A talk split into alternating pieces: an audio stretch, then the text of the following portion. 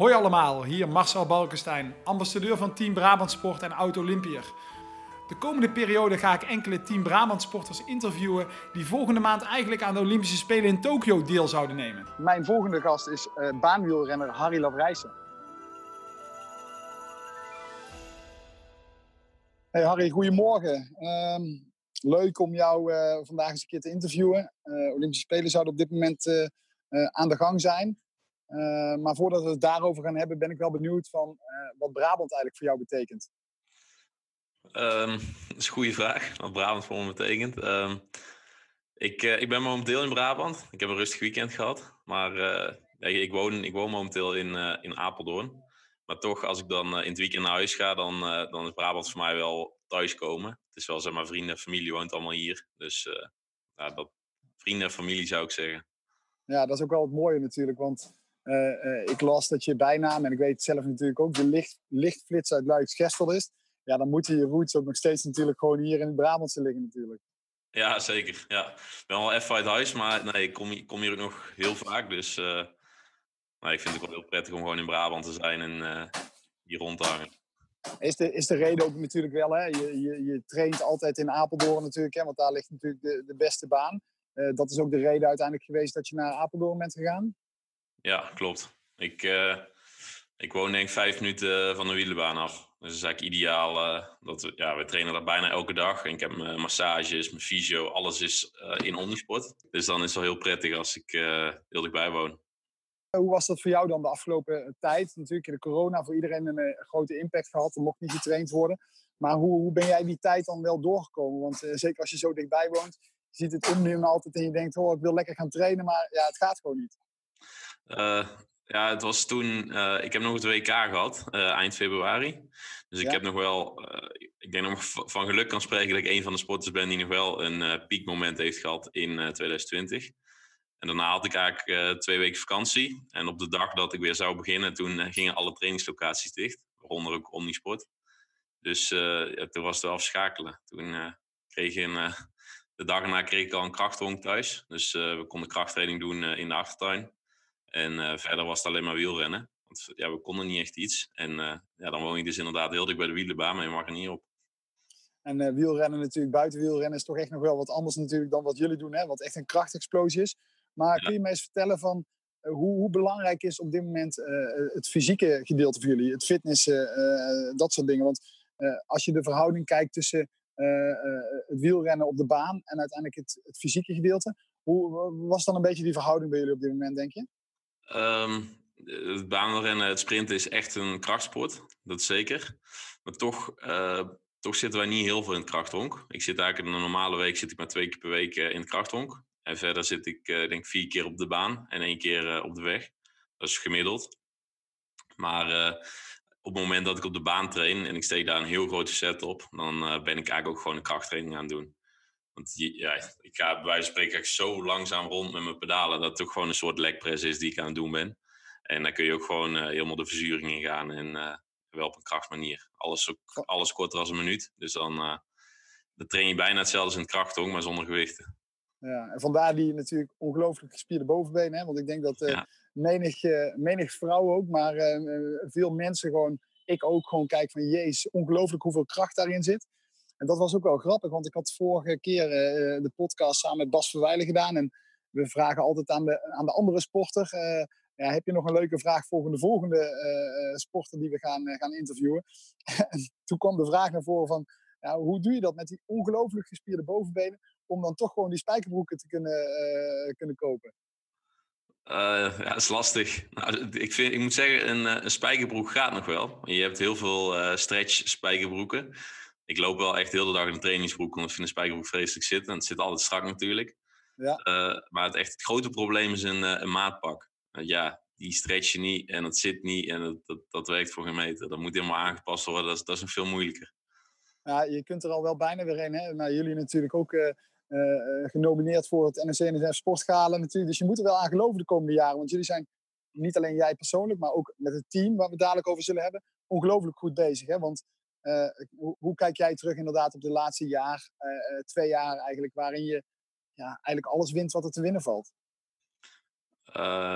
Ja, dat is bizar. Ik, ik focus me nog vooral eigenlijk van wedstrijd tot wedstrijd. Dus ik was nog niet heel erg bezig met de Olympische Spelen.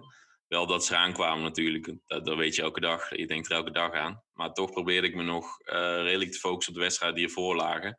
Dus heb ik, ik heb vorig, vorig jaar in 2019 WK in Polen, reed ik uh, sprint en teamsprint. Allebei goud heb gewonnen. Uh, daarna heb ik toen nog, ja, verder heel het jaar is goed gegaan. En toen afgelopen jaar moest ik me in februari komen plaats voor de Olympische Spelen. Daar heb ik echt gewoon alles voor gedaan wat ik maar kon. Gewoon alle details aangepakt, niks meer laten liggen. En daar voelde ik me ook gewoon mijn allerbest ooit. En toen, ja, toen heb ik me geplaatst voor de Olympische Spelen. En twee weken daarna was het WK voor ons in Berlijn. En daar won ik ook uh, de sprint, teamsprint en keirin won ik goud op. Uh, ja, dan denk je wel, ik ben nu er helemaal klaar voor. Dit is, uh, ik weet hoe het moet. Ik, ik, ja, ik wil gewoon naar die spelen en ik wil daar alles bij elkaar fietsen ook maar kan. Ja. Ja, en iedereen, hè, ik denk in heel Nederland, ziet natuurlijk wat er met de teamsprint op dit moment gebeurt. Voorheen waren het vooral de Engelsen natuurlijk die ontzettend goed waren. Maar wat veel mensen volgens mij niet weten, is dat jij eigenlijk als je niet zo'n blessure, hè, niet zo'n probleem had gehad met je schouder, dat je misschien wel uh, van Gent, uh, Jelle van Gorkum, die achterna was gegaan op de BMX. Ja, ja dat, nee, dat verbaast me weer hoeveel... Vroeger was natuurlijk iedereen dat ik van BMX afkwam.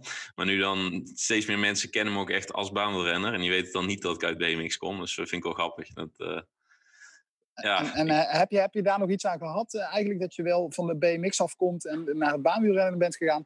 Of is het zo totaal verschillend dat je zegt van, nou weet je, eigenlijk, ja, het zijn gewoon twee totale verschillende disciplines en, uh, nou ja, that's it.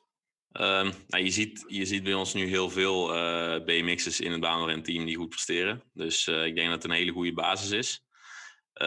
ik moet wel zeggen, het zijn echt twee compleet verschillende sporten. Lijkt best veel op elkaar, omdat het een explosiesport, krachtsport, beheersing van de fiets, dat soort dingen, die komen er allemaal wel bij kijken. Maar uh, wat ik het meest heb meegenomen is denk ik dat ik, um, ik BMX al vanaf mijn zesde.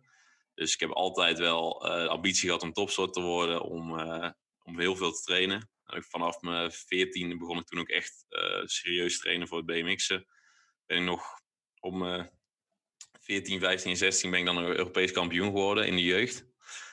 Um, maar dat je dan zo al bezig bent met de sport en zo met wedstrijden, met pieken en uh, je doelen wil halen. Uh, die voorbereiding, ik denk dat ik daar het meeste geleerd heb. Want uh, het baanrennen, dat begint iedereen pas eigenlijk aan van 16, 17, 18 jaar. Want als klein kind ga je niet baanrennen, dan glij je gewoon naar beneden. Is ook niet heel veel aan, denk ik, aan het trainen op een baan ja, op die leeftijd. Ja, de snelheid is er gewoon nog niet. Um, dus je ziet ook, uh, binnen ons team komt iedereen uit de andere sport. De meesten komen uh, tegenwoordig van BMX'en. Uh, een paar jaar geleden kwam eigenlijk iedereen van, van het wielrennen op de weg of van het schaatsen. Dat zijn wel een beetje de basissporten. En um, wat ik dan het meeste meeneem van BMX is denk ik die mentaliteit. Dus dat je wel al van jongs af aan ja, je doelen wil halen. Je weet wat je daarvoor moet doen. En, ja, en daar leer je dus zoveel van. Dat als je dan gaat uh, baanrennen op je achttiende dat je geen topsporter meer hoeft te worden, want dat ben je al. Dus dan ja. je wil die sport zo snel mogelijk uh, aanleren en uh, presteren. Hey, mooi. En nu, nu is het bij jullie zo, hè? Je, je gaat je individueel plaatsen voor de Olympische Spelen. Dat heb je gedaan. Uh, um, je, je, kijkt uit natuurlijk naar de Olympische Spelen. Maar even los van jouw individuele prestaties, zitten jullie ook met een groep gewoon van, van vier gasten die gewoon allemaal aan elkaar gewaagd zijn.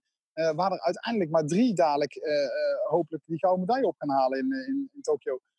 Hoe lastig is dat nu voor jullie om toch met z'n vieren altijd te zijn, waarvan je weet uiteindelijk dat er maar drie meegaan? dat, dat viel mee, vond ik. ik we hebben nog een groot team, want we zijn met, ik denk, zeven mannen momenteel. Ehm, ja, op, op, dit moment zijn Jeffrey en ik zijn nog geplaatst. Dus als tweede en derde man. En in principe gaan ze alleen nog maar een uh, test-event organiseren voor de starter. Dus voor de eerste plek.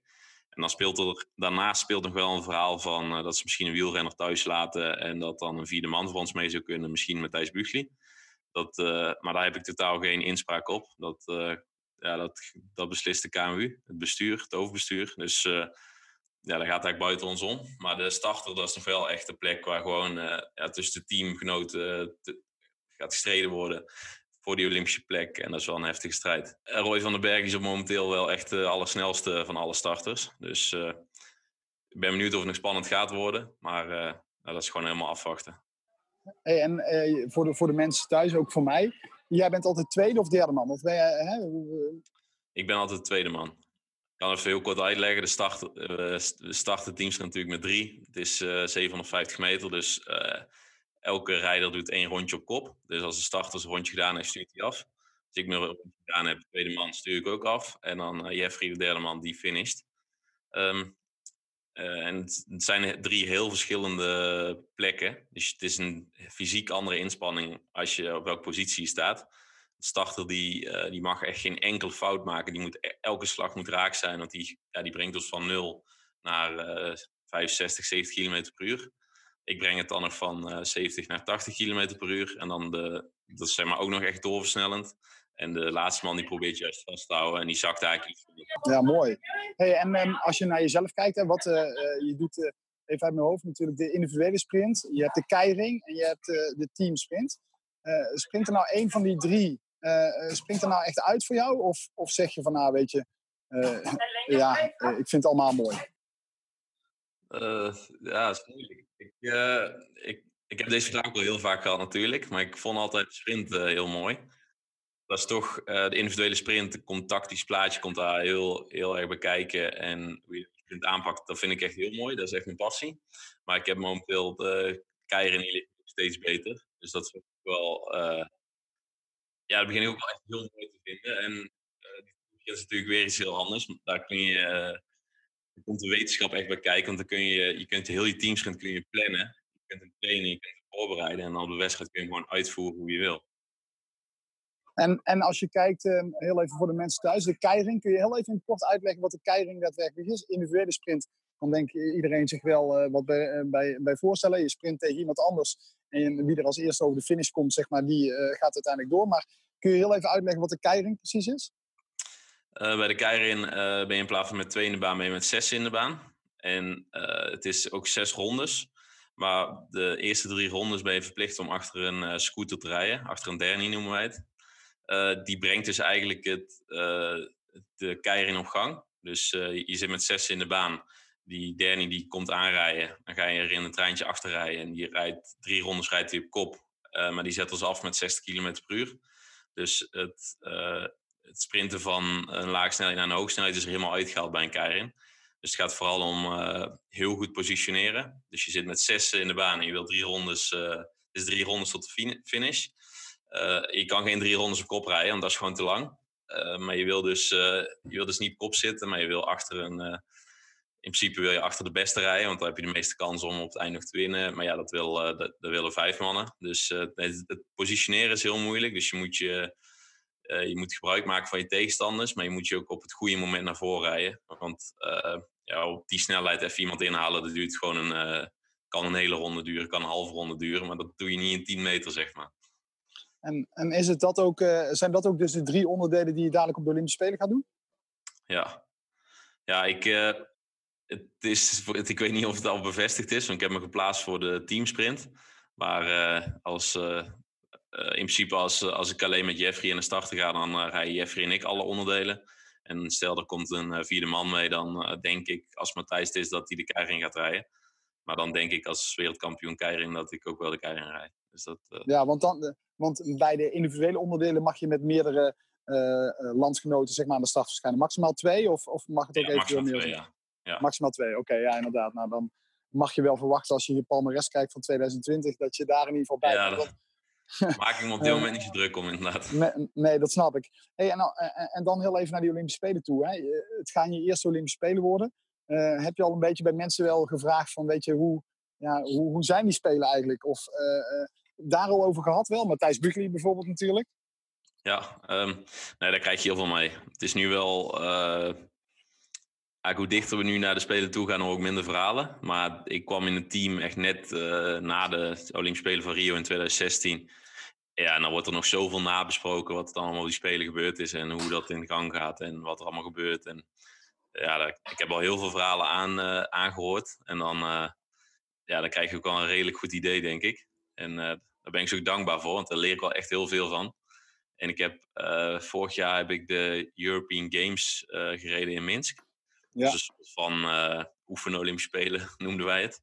daar waren wij ook helemaal niet in vorm. daar hebben we wel bijna alles gewonnen, dat wel. Maar het was gewoon een hele bijzondere wedstrijd. En je had daar wel een Olympisch dorp, zeg maar, met, uh, met Europese rijders dan. Maar met ja, meerdere sporten bij elkaar en ook een grote eetzaal en alles, alles erop en eraan.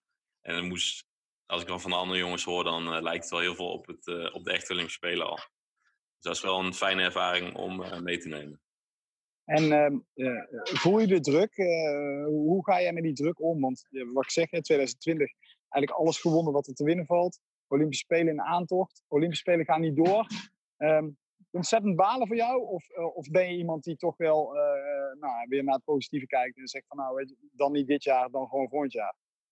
Ja, het, uh, het was natuurlijk wel balen op de dag dat hij doorging. Maar ehm, het zat er wel echt aan te komen. Dus het kwam niet uit de lucht vallen voor, uh, voor ons, voor, voor de sporters. Het was ik hoopte op het begin nog wel natuurlijk dat het doorging. Gewoon omdat ik zo in vorm was en ik voelde me zo goed. Maar dan op een gegeven moment heb je wel door hoe erg die coronacrisis wordt op heel de wereld. En dan, dan ging het in Nederland denk ik nog heel goed over het algemeen.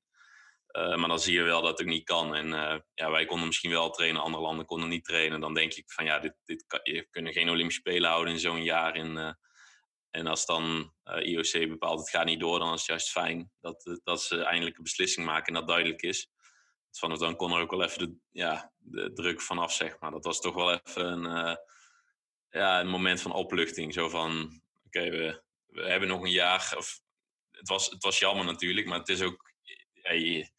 Het is zo onzeker wat er allemaal nog ging gebeuren in die maanden ervoor. Omdat dan, ja, dan wil je ook niet voor zo'n belangrijke wedstrijd hebben.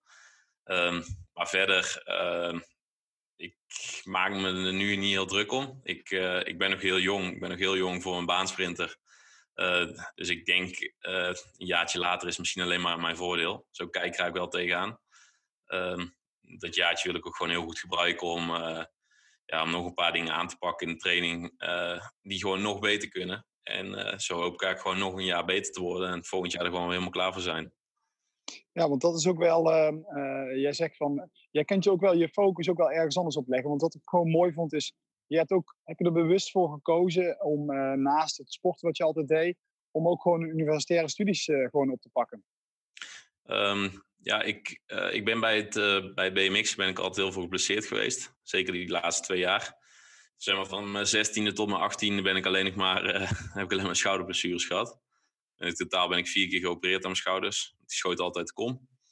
Um, in die tijd heb ik ook mijn VWO afgemaakt. Ik woonde toen op uh, Papendal. En ik weet nog heel goed van die tijd, op het moment dat ik dan uh, eigenlijk niet wil focussen op topsport. Omdat je maakt jezelf helemaal gek als je geblesseerd bent en je kan maar niet naar die training en je wil, je doet niks. Uh, toen vond ik het heel prettig om wel mijn VWO af te kunnen maken en me, mijn focus te kunnen verleggen inderdaad. Um, toen heb ik daarna ook wel uh, beslist van ja, ik kan goed studeren. Uh, dit moet ik ook gewoon blijven doen. Ik, uh, ik vind het niet erg om te doen. Ik doe het wel op een heel laag tempo, dat wel. Um, maar ik vind het wel heel prettig. En zeker in dit jaar. Ik had eigenlijk gepland om dit jaar heel weinig te doen. Dat heb ik nog gedaan tot, ja, tot maart eigenlijk.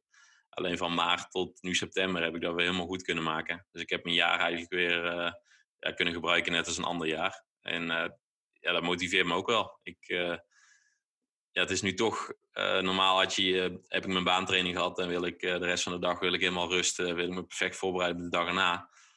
maar die details, ja, die zijn nu toch net iets minder, want je, kunt niet een jaar lang elke dag het uiterste eruit halen, want dan word je gewoon helemaal gek. En het is nog steeds zo, Harry, dat uiteindelijk als je kijkt naar het rennen, ook voor, voor de mensen die, die straks meeluisteren, het is, kan ik me nog voorstellen, hetzelfde als in het hockey. jullie staan natuurlijk wel weer op een, op een wat hoger voetstuk. Maar het is niet zo dat de sponsoren in, uh, in rijen en grote getalen uh, aan de kant staan om, om jullie te sponsoren. Dus uh, speelt dat bij jou ook zeker mee dat je weet, nou ja, na mijn carrière wil ik ook wel, komen er nog heel veel jaren aan en dan wil ik daar in ieder geval goed op voorbereid zijn? ja, zeker. Ik, ik, ik weet heel goed, als ik klaar ben met sporten moet ik gewoon nog gaan werken waarschijnlijk. Dat, dat twijfel ik niet aan. Dus nee, daar gewoon ideaal op voorbereiden als ik en ik denk, ik, ik kan goed studeren, dus dan moet ik, vind ik van mezelf dat ik het ook gewoon moet doen. Ik uh, kan een universitaire studie doen, dan uh, moet ik er gebruik van maken. en ja, tegen voor later. Ja, terecht ook, denk ik. Hè? Want uiteindelijk, wat je ook zult merken, is dat gewoon heel veel bedrijven, als je dadelijk een, een cv hebt met een universitaire studie, misschien, misschien straks zelfs nog wel wat werkervaringen bij.